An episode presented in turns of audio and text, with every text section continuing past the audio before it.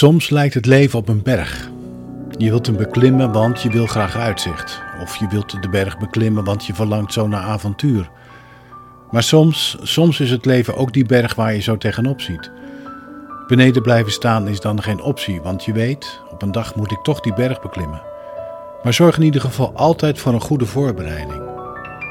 Dit is het verhaal van Joe Simpson en Simon Yates. Zij beklimmen de Ciudad de Grande in de Peruviaanse Andes. Daar worden ze overvallen door slecht weer en als Joe uitglijdt, breekt hij zijn been. Hangend aan het touw met Simon boven hem zien ze allebei dat de situatie hopeloos is. Snij het touw door, roept Joe naar boven. Dan overleeft in ieder geval één iemand van ons dit nog. Wat een ramp. Wat een moed om dit te besluiten. En wat een angst van Simon om dit dan daadwerkelijk te doen en je medeklimmer naar beneden te zien vallen de berg af. Een onvermijdelijke dood tegemoet. Met grote inspanning lukt het Simon terug naar het basiskamp te komen om daar een derde klimmer, Richard Hawkins, te vertellen dat Joe dood is. Maar Joe, die in een spleet is gevallen, is niet dood. Nog niet.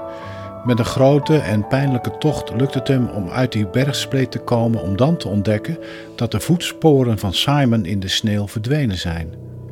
Hoe nu verder op deze barre tocht? En ook dat lukt hem met een slepend gebroken been achter zich aan.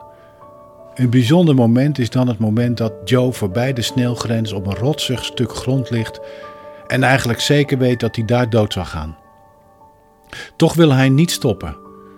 Ik wilde per se niet alleen doodgaan, ik wilde iemand bij me hebben, schrijft hij later in zijn boek.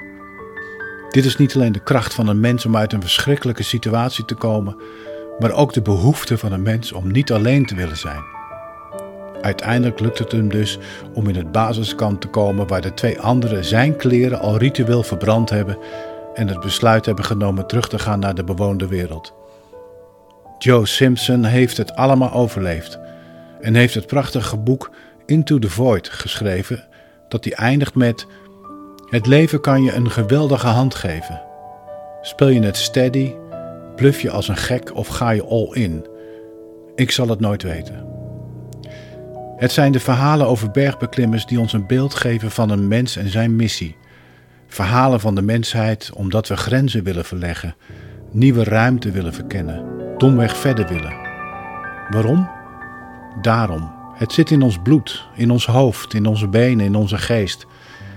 Maar het zijn ook de verhalen van hoogmoed, uit verbinding raken en in de vrije val terechtkomen. Het leven is als een berg.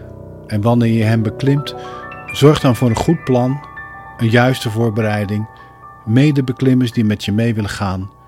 En als het onderweg misgaat, en ja, soms gaat het mis, het eigen geloof om door te zetten.